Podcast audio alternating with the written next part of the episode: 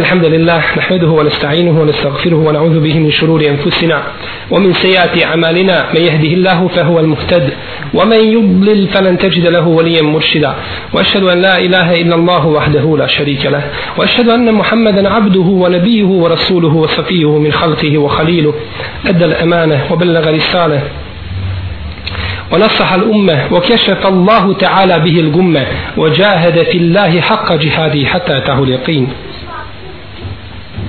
يا أيها الذين آمنوا اتقوا الله حق تقاته ولا تموتن إلا وأنتم مسلمون.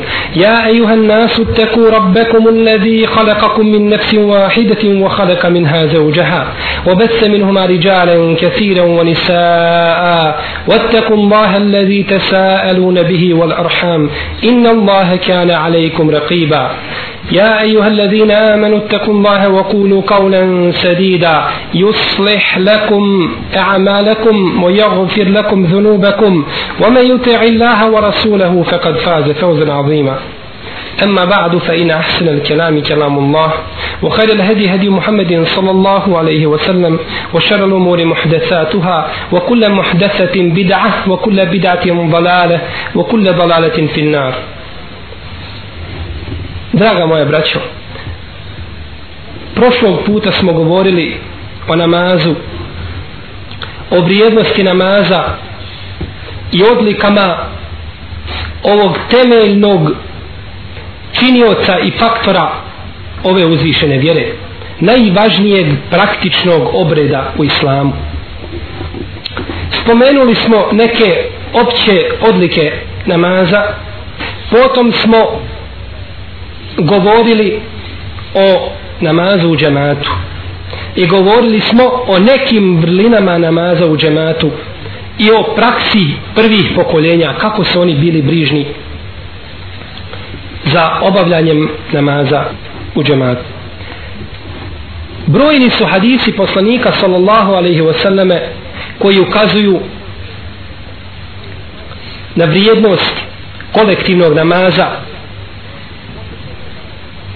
brojni su i ne mogu se objediniti u jednom kratkom predavanju i izlaganju ali spomenut ćemo uz Allahovu Đelešanu u pomoć one bar najvjerodostojnije ili najpoznatije od njih da se samo prisjetimo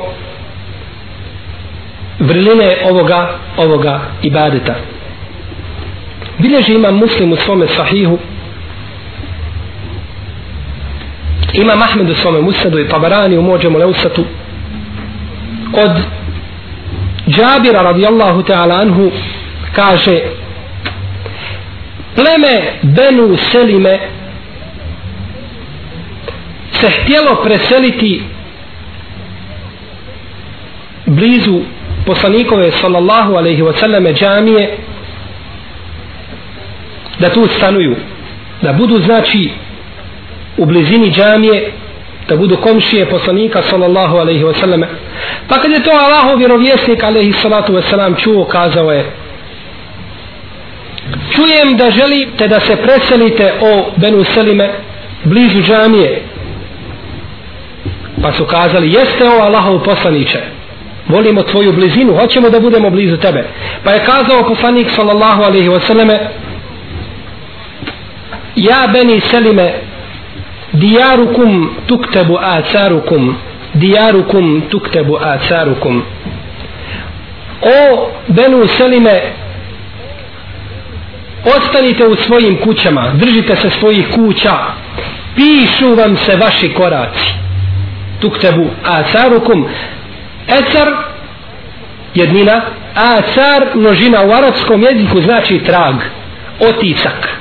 Ono što ostane kao posljedica nečega ovdje tuktebu asarukom pišu se vaši otisci i tragovi vaši stopala dok dolazite u džamiju u mesčidu a u rivajetu ili u predaji u predanju koje bilježi imam tirmizi u svome sunanu i pa tabarani u mođemu kebiru i također Abdurrezak u svome Musamnefu prenosi se od Ebu Sa'ida al-Hudrija da je kazao Benu Selime, to pleme, je živjelo na predgrađu Medine. pa su htjeli da se presele u blizini poslanikove sallallahu alaihi wa sallam džamije da budu blizu mesčida pa je Allah tebarak je wa ta'ala tom prilikom objavio inna nahnu nuhil mevta wa nektubu ma kaddamu wa asarahum šta je Allah Đelešanu objavio? Objavio je ajet u suri Yasin inna nahnu nuhil mevta wa nektubu ma kaddamu wa asarahum u istinu mi oživljavamo mrtve i mi pišemo njihova djela i njihove tragove. I njihove tragove. Znači piše Allah te barake o teala tragove onih koji dolaze u džamiju. Kuranski ajet koji je objavljen povodom ovoga plemena koji se željelo preseliti gdje? U blizinu poslanikove sallallahu alaihi wasallam džamije. Pa je Allah te barake o teala objavio da je on taj koji piše tragove odnosno ljudske korake do džamije. I također sve druge korake koje čovjek učini na Allahom te barake o teala putu. Sve to Allah žešanu piše. Kada je čovjek u džihadu pa kada hoda svaki korak ima svoju težinu i vrijednost kod Allaha za uđel kaže poslanik sallallahu alaihi sallam u hadisu koga bilježi imam Buharija kada čovjek da svoga konja u džihad na Allahom putu kaže čak i izmet konja koji izlazi iz njega bit će kaže na vagi njegovih dobrih dijela na sudnjem danu. Sve što čini jer je čovjek bio uzrokom i tim sebebom da jeli da ta životinja bude u službi džihada i borbe na Allahom te barak na Allahom te barak katala putu. Sve se znači čovjeku piše. Pa tako i ovdje kada ide do džamije pravi korake onda mu se piše. I zato se prenosi od više učenjaka Selefa prvih generacija da su kada bi išli u džamiju braćo pravili bi sitne korake. One sitne korake da ih bude što više. Rodi se broji korak. Mal ili velik nije bitno. Pa ko može dobro koraciti to je na njegovu štetu. Znači mali koraci su bolji pa bi pravili sitne korake da bi što više bilo do džamije jer svaki korak ima svoju vrijednost kod uzvišenog Allaha te barake o ta'ala. Bileži imam tirmizi i Ebu Dawud u svojim sunenima Ibn Huzeyme i drugi od Ebu Sa'ida al-Hudrija da je poslanik sallallahu alaihi wa sallam rekao beširil mešaine fi zulmi ila al-mesajidi bin nuri tami jevme al-qiyame obraduj beširil mešain obraduj one koji puno ovo je jako bitno koji puno idu u džamije. Puno hodaju ka džamijama znači vezani su non stop za džamije. Kako kaže poslanik sallallahu alaihi wasallam onome hadisu i čovjek čije je srce vezano za džamiju. U originalu ovoga hadisa odnosno u globalnom prevodu stoji čovjek čije srce obješeno u džami. čovjek izlazi iz džamije i svoje srce objesi u džami i ode kući. Ne može živjeti bez srca. Pa opet žuri nazad u džamiju da uzme to svoje da uzme to svoje srce. E tako je ovdje. Obraduju one koji puno hodaju koji puno hodaju ka džamijama. Sa potpunim svjetlom na sudnjem danu. Bi nuri tani jeomel qiyame. To je potpuno svjetlo jer vi znate znači da će ljudi lutati u tamama i da će tražiti put ali ga neće imati. Neko će imati svjetla malo ispred sebe. Neko će imati ispred sebe svjetla toliko da vidi kuda hoda. Drugi će biti u punoj tami a oni koji budu odali prema džamijama oni će biti oni će biti u potpunom svjetlu. Kaže imam Menawi u komentaru ovoga u komentaru ovoga hadisa. Biće kaže nagrađeni tom nagradom zbog njihove istrajnosti u odlasku na namaz u džematu i zbog tegobe koju podnose tim putem. I tom prilikom, prilikom odlaska u džamiju. Jer možda je braće u naše vrijeme olakšan dolazak u džamiju. Ulična rasvjeta, asfaltirane ceste i slično tome, bezbrijednost od divnih životinja i slično tome. To nije bilo u njihovo vrijeme u njihovo vrijeme dolazi, vreme poslanika sallallahu alaihi wa sallam i ashaba dolazi čovjek slijepac i kaže Allahom vjerovjesniku kaže ja sam slijep. Možeš li mi dozvoliti da ne dolazim u džamiju? U drugim predajama brojnim kaže između moje kuće i džamije su brojna brojne palme, drveće. Ne mogu hodati. U drugoj predaji kaže u Medini se povećao broj zvijeri u trećoj predaji kaže ja sam star čovjek slijep i star. Pa kaže poslanik ne mogu ti dati opravdanje. Sve to ukazuje na vrijednost namaza u džematu. Pored svih tih razloga koje ima ovaj slijepac poslanik sallallahu alaihi sallam u njemu dozvolio da izostane iza džemata. Znači kako kaže imam Al-Menawi nagrađeni su ovom nagradom zbog te gobe koju podnose odazivajući se Allahu tebarake wa ta'ala kada ih pozove muezin na namaz.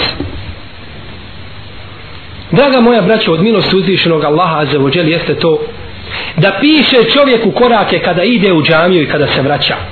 Nije samo kada ode u džamiju. Kada ode u džamiju i kada se vraća iz džamije sve mu je to sve mu je to a, objedinjeno i bit će za sve to nagrađeno. Bileži ima muslim ibn Hibban ibn Ibi Šejbe i drugi od Ubeja ibn Kjaba radijallahu anhu da je rekao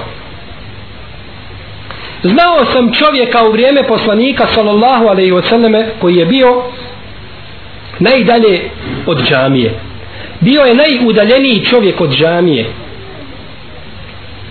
Međutim pored toga kaže nije ga mašio i nije propustao ni jedan jedini namaz u džamiji. Kaže pa mu je rečeno a u drugoj predaji kaže pa sam mu rekao. Znači u Bej ibn Kjab mu je rekao. I tako se dosta puta navodi u hadisima. Kaže na primjer Ashab pa je upitao jedan od prisutnih poslanika sallallahu alaihi sallam. U drugoj predaji nađete da je on taj koji je pitao. No međutim ne spominje sebe. Kaže pa sam mu rekao kaže kada bi ti sebi kupio jednog magarca. Kada bi sebi kupio magarca pa da ga jašeš do džamije da ne moraš hodati. Pa je kazao tako mi Allaha kaže ja ne bi volio da je moja kuća blizu džamije. Ja vama koji ste blizu džamije izražavam svoje saučešće. Ja ne bi volio da sam blizu džamije. Ja volim kaže da mi Allah piše moje korake kada dolazim u džamiju i kada se vraćam svojoj kući.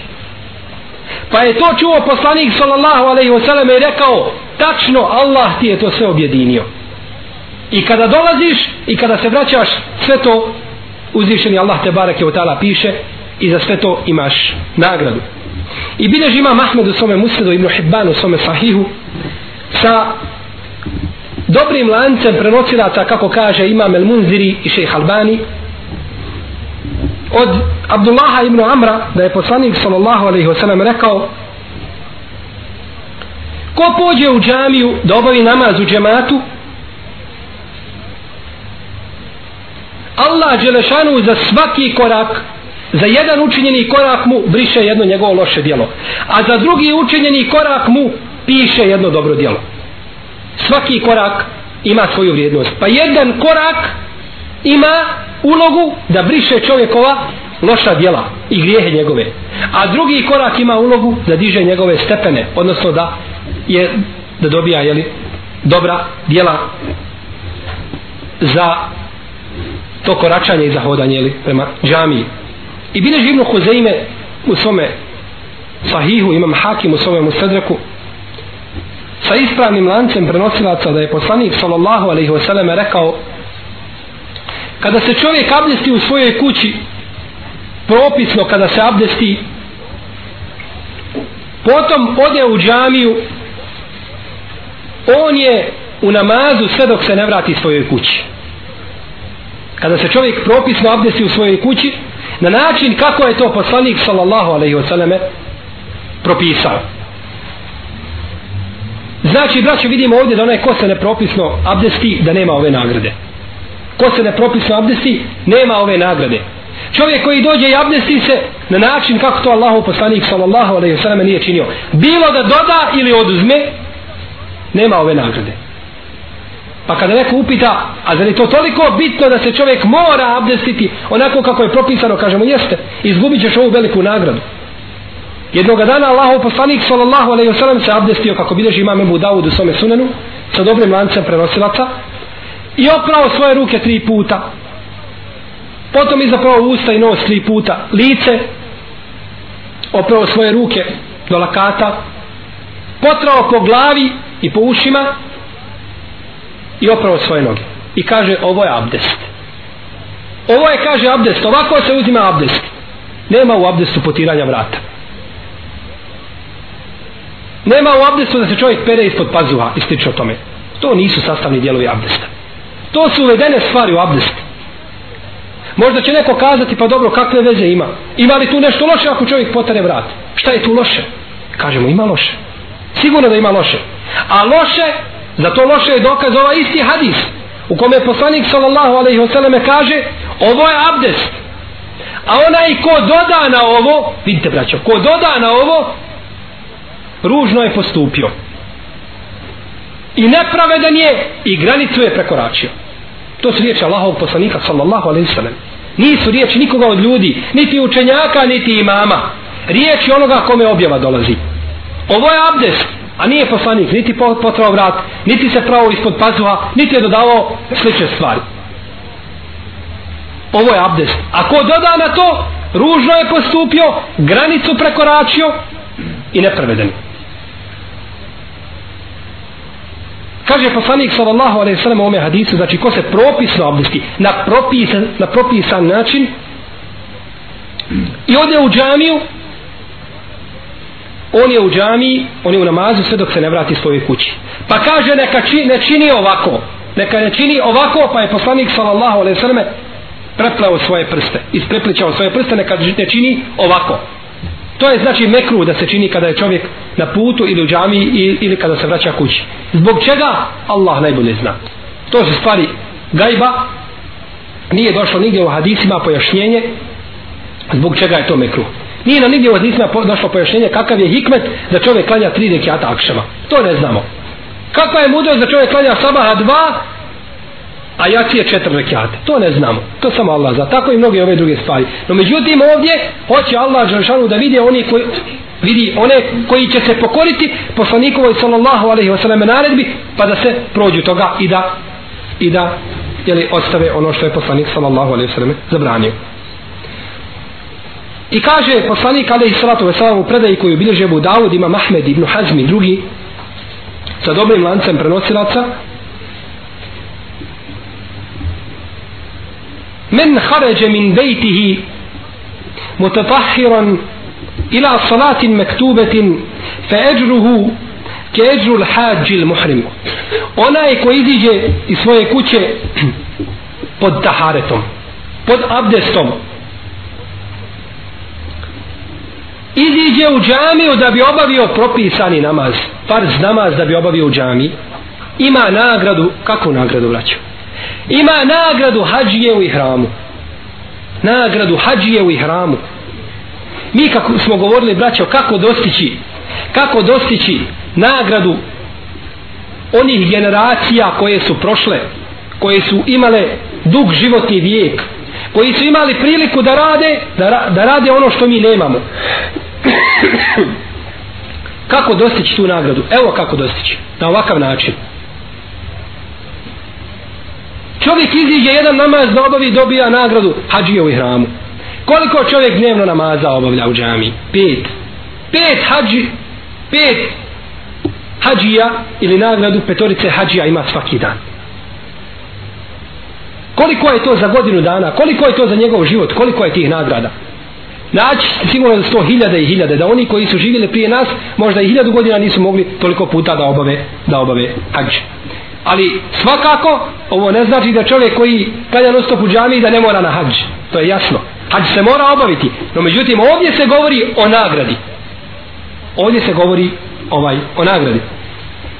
I bileži imam muslim i malik ibn Abdul Bar od Ebu Hureyre radijallahu ta'ala anhu da je poslanik sallallahu alaihi wasallam rekao zar nećete da vam ukažem na ono što briše vaša ružna dijela i povećava vaše, vaše stepene kod uzvišenog Allaha te barake ta'ala. Pa su kazali, hoćemo svakako Allahov poslaniće, kaži nam, pa je kazao Allahov vjerovjesnik, alaihi salatu wasalam, upotpunjavanje i propisno uzimanje, vidimo braćo koliko ovdje poslanik sallallahu alaihi sallam potentira na propisno uzimanje abdesta. Jer je znao Allahov vjerovjesnik da će doći generacije koje će se abdestiti po svojim nahođenjima i po svojim mišljenjima uvodeći u abdest i izbacivajući iz abdesta ono što hoće propisno uzimanje abdesta u teškim uvjetima. Bilo da se radi da je čovjek možda bolestan da je hladno i slično tome. I puno koraka ka džami i čekanje namaza poslije namaza znači od namaza do namaza. Te zalikum u ribat to vam je pripravnost na Allahom putu to vam je pripravnost na Allahovom tebareke wa ta'ala putu. A u predaji koju bilježe Buharija i Muslim od Ebu Hureyre radijallahu anhu kazao je poslanik sallallahu alaihi wasallam ko pođe u džamiju Allah mu kaže pripremi za svaki novi odlazak drugo mjesto u džennetu. Kad god pođeš u džamiju za svaki tvoj odlazak ima drugo mjesto za jedan odlazak je jedno mjesto za drugi odlazak je mjesto mimo tog mjesta. Veće i bolje i ljepše. I za svaki novi odlazak Allah te bareke od tala priprema novo mjesto u džennetu. I ovo je po meni Allah najbolje zna najjači hadis i hadis koji ukazuje na najveću vrijednost čovjeka koji klanja namaz u džematu da mu Allah te barek je utala priprema mjesto u džennetu. I to uvijek novo mjesto u džennetu. Ovaj predaj koji obilježi Ibn Mađe, Ibn Hibban i Imam Ahmed i Hakim i drugi opet od Ebu Hureyre radijallahu anhu da je poslanik sallallahu alaihi wa sallam rekao ma te vapane ređulun muslimun el mesjide li sala od zikr illa tebešfeš Allahu lehu kema je tebešfešu ehlul gaibi bi gaibihim iza kadime alejhim. Koji god čovjek musliman bude vezan za džamiju da bi obavljao namaz u njoj i zikr Allah učinio i Allaha spominjao Allah se takvom čovjeku braćo raduje kao što se porodica odsutnog raduje kada se taj odsutni pojavi. Kako se raduje žena i dijete kada se babo pojavi iz daleka?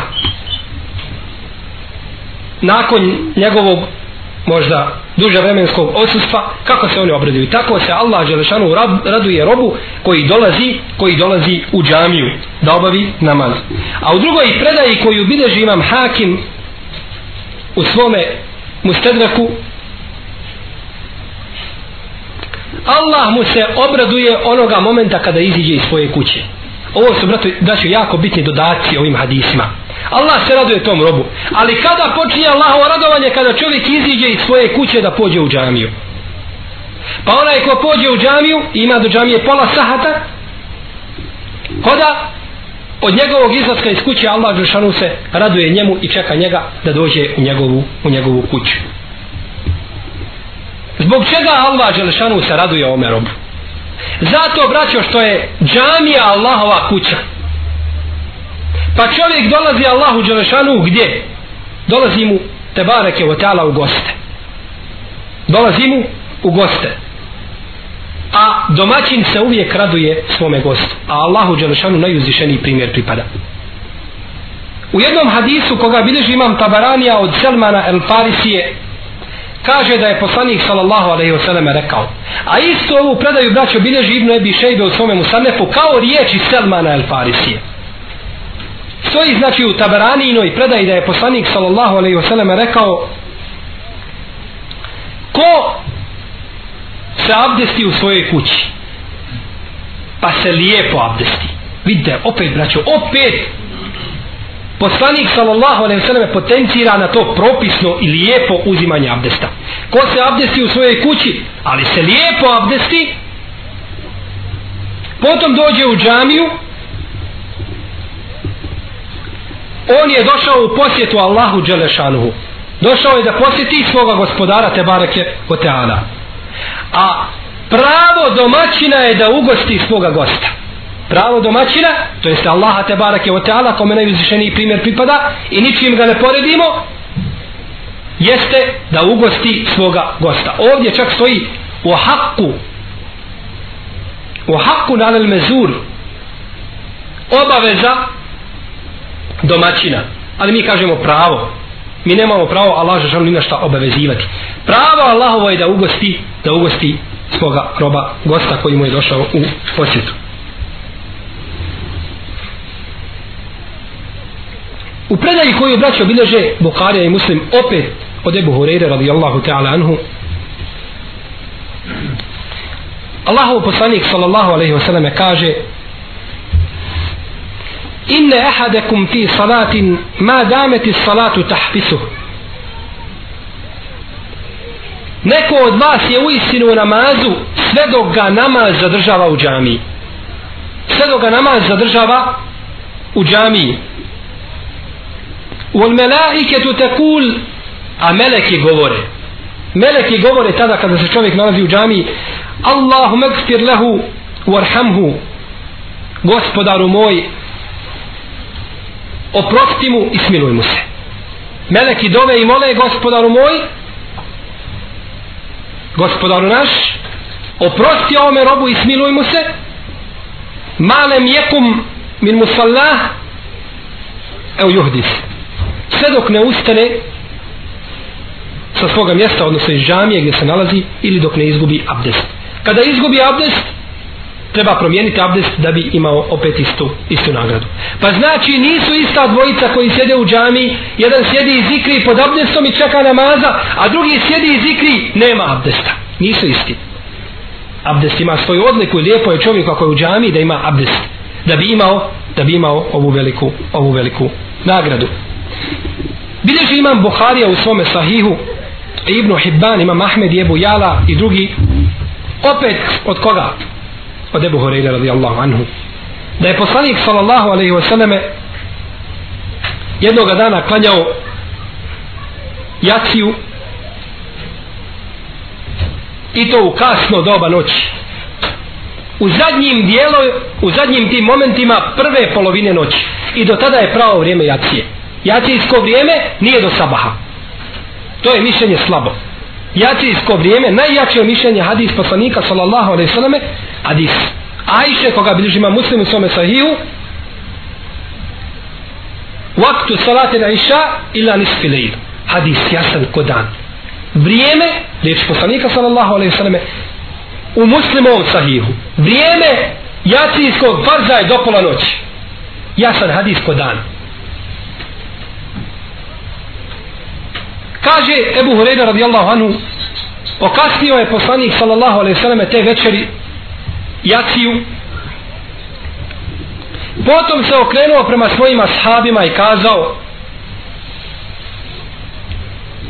ljudi su neki već klanjali nisu mogli dočekati bilo im daleko čekati i pospali su. A vama se piše nagrada klanjača sve dok ste čekali ovaj namaz boravili ste od akšama do jaki u namazu i cijelo to vrijeme vam se piše kao da boravite u namazu. Zašto braćo sada razumijemo zbog čega nisu ista dvojica koji sjedi pod abdestom i onaj bez abdesta? Jer je on u namazu a može li čovjek biti u namazu bez abdesta? Ne može. E zbog toga čovjek koji izgubi abdest nema ovu nagradu. On ima nagradu zikra boravka u Allahovi kući da. Nije počinio haram Bože sačuvaj. Niti mekru jer nije biti mekru da čovjek, je, da čovjek nije pod abdestom nije to mekru no međutim izgubio je jednu od, jednu od nagrada a u predaji Ibn Mađe imama Ahmeda koja ima ispravan lanac prenosilaca od Abdullaha Ibn Amra kaže Klanjao je poslanik sallallahu alaihi wasallam jednog dana nama akšam namaz. Neki su otišli svojim kućama, vratili se, a neki su, kaže, ostali u džamiji sjediti. Pa je došao poslanik sallallahu alaihi wasallam žurno i hitro, zadihan, pa je kazao,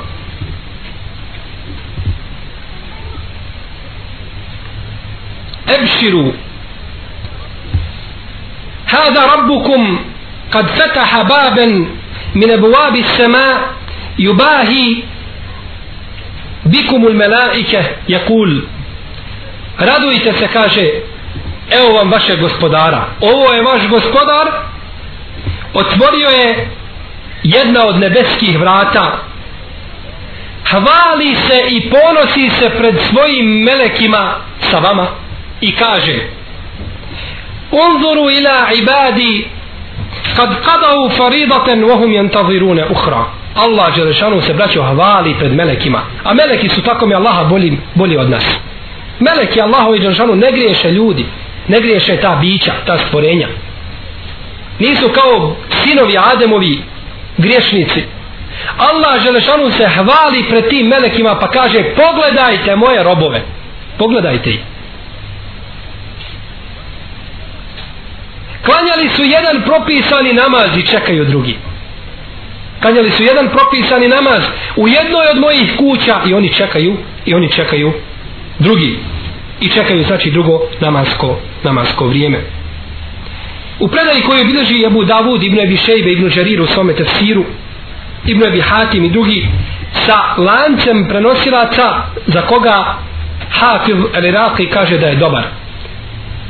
Kaže šed, kaže se da su ashabi klanjali jednoga dana između akšama i jacije pa je Allah te barake wa ta'ala objavio ajet u suri Es-Seđde تتجافى جنوبهم عن المضاجع يدعون ربهم خوفا وطمعا ومما رزقناهم ينفقون تتجافى جنوبهم عن المضاجع i oni se svojih postelja lišavaju, ne ostaju u svojim posteljama, dižu se, ne spavaju. Je da خوفا robbehum haufen u otama i oni svoga gospodara sa strahom i nadom mole i udjeljuju od onoga što smo im mi dali i čime smo ih mi obskrbili. Znači objavljen je objavljen je ovaj ajet povodom ashaba koji su braćo klanjali između akšama i jacije. Šta su radili između akšama i jacije? Od jednog namaza čekali drugi namaz. Pa imaju dvije nagrade. Imaju nagradu boravka u džamiji od namaza do namaza, a to je nagrada kao da su u namazu i druga nagrada jeste njihov namaz sam koga, koga obavljaju. Zbog čega braće ova nagrada? Čovjeku koji ostaje u džamiji, u Allahove džašanu kući. Odnosno, bolje kazati, ovdje ima još jedna nagrada koja bi se mogla zaključiti iz ovih hadisa. A to je, braćo, da čovjek koji ostaje u džami od namaza do namaza, uglavnom, da klanja naredni namaz, onaj koga čeka u prvom safu.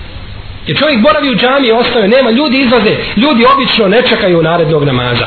A čovjek kada ostane sjediti čekati narednog namaza, učeći Kur'an, zikr, spominjući Allaha Žešanu veličajući ga, dovom učineći, savjetujući svoju braću muslimana i slično tome, takav dočeka naredni namaz u prvom, u prvom safu. I zato ima onda ima veliku ima veliku nagradu. I bileže Buharija i Muslim od Ebu Hureyre radijallahu anhu, pogledajte braće ove hadise od Ebu Hureyre. Ebu Hureyre, koliko Ebu Hureyre prenosi samo hadisa poslanika sallallahu alaihi wasallam. Kakva je to odlika ome ashabu? Šta je to njega dovelo do ove mertebe i do ovoga stepena i da ima ovakav spomen i zikr u potonjim i kasnim naraštajima? Dovela ga je braćo brižnost za poslanikovim sallallahu alaihi sallam sunnetom i držanje za taj sunnet. Zato kaže jedne prilike Omar radijallahu anhu je nešto rekao pa Ebu Hureyre kazao drugačije. Pa kaže Omer jeste kaže Omera je spriječila kaže udaranje ruke od ruku na pijaci. To jeste prodaja. kada, kada su Arapi prodavali davna vremena, vremena, to se može zaključiti u predislamsko i u islamsko vrijeme, može se zaključiti iz brojnih hadisa da su udarali ovaj ruku od ruku. Što ono naš svijet kada prodaje pa kažu zamahnuo je, ili tako? E to su oni radili. Kaže ruka od ruku se udarala na pijaci i kaže zato Omer ne zna. A zato Ebu Hurere zna. Jer je Ebu Hureyre non bio uz poslanika sallallahu alaihi wasallam. Pogledajte samo braćo predaju koje je zabilježio imam Buharija u svome sahihu. Predaju koju bi svaki musliman trebao imati u svojoj glavi. I prisjećati se često ove predaje. Da vidi vrijednost naših predaka koji su boravili prije nas. Koji su nama prenijeli ovu vjeru. Zabilježio imam Buharija braćo ovu predaju od Ebu Hureyre koji ću vam citirati u svome poglavlju, u svome sahihu u poglavlju držanje za Kur'an i za sunnet. A kad vam citiram predaju, onda će vam biti jasno zašto imam Buharija stavio ovu predaju u ovo poglavlje. U poglavlje držanje za Kur'an i sunnet. Kaže Ebu Horeira radijallahu anhu, kaže jednoga dana sam, kaže, bio u poslanikovoj sallallahu alaihi wasallam džamiji. Kaže, pa sam pao na svoju glavu. I kaže, onda sam se nogama odupirao i svoju glavu turao u pjesak. Pa je, kaže, prišao jedan od ashaba i kaže, svojom, svojim stopalom pričepio moj vrat. Pričepio, kaže, moj vrat i stisnuo, kaže, tako da se više nisam mogao pomjerati. Kaže, misli da sam lud. Misli da sam lud. Pa da ne bi to dalje činio, kaže da me spriječi. A kaže, tako mi Allaha nisam lud, nego sam gladan. Nego sam gladan. Najbolji braćo robovi koji su boravili na zemlji. Njega nije zanimalo, hoće li samo svoj stomak napuniti i šta će pojesti? I kako će se obući da to bude cijeli njegov život? Danas jedan veliki dio muslimana živi za sebe i za svoje šahvete i za svoje prohtjeve. Ne zanima njega ni Allahova vjera ni sunnet. Iako možda boravio u džami često iako pet dnevni namaza klanjao iako činio i činio. Nema on prave brige za islamom. Ovo je braćo prava briga za islamom čovjeka koji voli sunnet i spreman je da zbog suneta gladuje i da zbog suneta dođe na stepen da ljudi misle da je lud. A to je stvari ljubav prema poslaniku sallallahu alaihi sallam ljubav prema ovoj vjeri, prema hadisima. Svi su oni bili i sticali nešto ali Ebu Horeire je nosto bio za Allahov vjerovjesnika i prenosio nama ove hadise. Pogledajte samo koliko smo večeras hadisa citiralo Debu Horeire. Da nije bilo Ebu Horeire. Da je bio bogataš i bogati od Karuna. Taman bio pravi vjernik. Bili smo Ebu Horeiru spomnjali po ovim dobrotama i kazali Ebu Horeire pa radi Allahu anhu. Ne bismo ga spominjali. Koliko je takih došlo i prošlo, ali se ne zna za njih. Ali se za Ebu Horeiru zna i znači se do sudnjeg dana.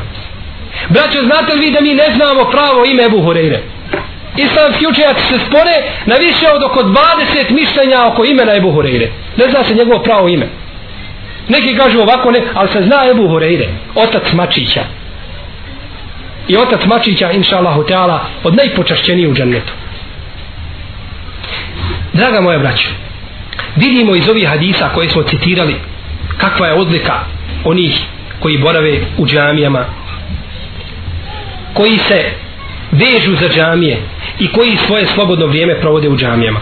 Tako nam Allaha vraćao da kada ne bi bilo druge nagrade nikakve za čovjeka koji boravi u džamiji osim to što je izbjegnuo ogovaranje, prenošenje riječi spomen drugih po ružnom što se obično dešava kada čovjek nije u džamiji bilo bi mu dovoljno čovjek kada se nađe braći u džamiji čuće nešto lijepo nešto korisno Ako ne čuje, klanja će namaz u džematu. Ako ne klanja ni taj namaz u džematu, bit će sa ljudima koji spominju Allaha. Pa će Allah Đeršanu kada svoj rahmet bude spustao na te ljude i njega će nešto zahvatiti od tog rahmeta. Pa ako ne bude bilo ni to, imaju meleki koji okružuju te ljude svojim krilima. Valjda će ga nešto od tog rahmeta i te dobrote zahvatiti. Pa ako ga i to ne zahvati, pa on nije ostao u svojoj kući, da ostao sa svojom porodicom ili negdje sa muslimanima na strani, možda bi nekoga ogovorio, nekome riječi prenio, možda bi šeitan se sa njim poigrao, a to se neće desiti ako Bog da u džami. Znači u svakom slučaju velika je dobrota čovjeka da boravi, da boravi u džami. Pogledajte samo hadis za koga kaže imam Hejseni, Ahmed Šakir i drugi da je dobar, prenosi se da je Omar radijallahu anhu rekao kaže poslanik sallallahu alaihi wasallam Allah poslušajte braće ovo poslušajte ovoga hadisa. Kaže Allah Želešanu se divi namazu u džematu. Allah je zadivljen sa namazom u džematu. Šta to Allah Želešanu divi?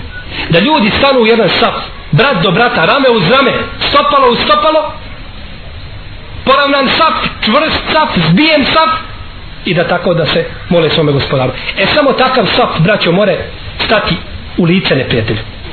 Ne može stati kriv sap u lice neprijatelju. Ne može stati nepotpunjen sap u lice neprijatelju. Ne može stati. Sap u kome između svaka dva klanjača ima mjesta još za jednog ne može stati u lice neprijatelju. Allah Žešanu braće hoće muslimane da ih prvo okuje u namazu da imaju jednog imama koji ih predvodi. I kad kaže Allahu Ekber svi Allahu Ekber. Kad kaže Allahu Ekber za ruku vidiš svi u ruku Allahu Ekber svi se dižu uči Allah Žešanu kroz namaz u džematu odgaja ljude kakvi će biti u džihadu kako će se boriti za šerijetsku državu. Kada imam kaže svi idemo naprijed i svi ginemo na Allahovom putu ali nećemo dozvoliti da se naša čast ukalja i naši imeci da se uzmu i naš porod da se ubija onda svi idu. Kao što su namazu tako se pokoraju svome imamu i svome halifi i svome vođu. Pa oni koji se ne pokore koji žure u namazu prije imama neće se taj pokoriti ni u džihadu pa u džihadu se teže pokoriti.